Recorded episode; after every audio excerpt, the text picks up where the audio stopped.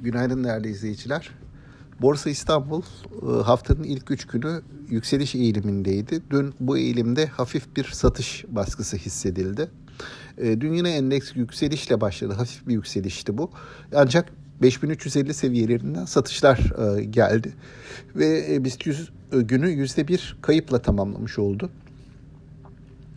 E, dünkü seyirde olumlu ayrışan sektörler e, yılbaşından bu yana nispeten geride kalmış hisseler. Yani hisse e, senedi yatırımcısı e, geride kalmış hisse arayışına girdi dün. Banka, bilişim, gıda ve perakende ticari sektörleri olumlu ayrıştı bu eğilimde. E, diğer taraftan yılbaşına göre belirgin bir şekilde e, öne çıkan ve primli hisselerde ki demir çelik ve çimento hisseleri bu kategoride e, burada satışlar vardı. Aynı zamanda altın madenciliği hisselerinde de dün satıcılı bir seyir izledik. Bunlara ilave olarak havacılık hisselerinde de kar satışları vardı. Dolayısıyla endeks günü kayıpla kapatmış oldu.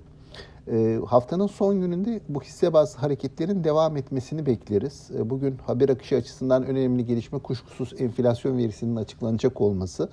Hafta sonuna girerken biz endeksin bu mevcut seviyelerinin korumaya çalışacağını ve yatay bir seviyede hafta sonuna gireceğini tahmin ediyoruz.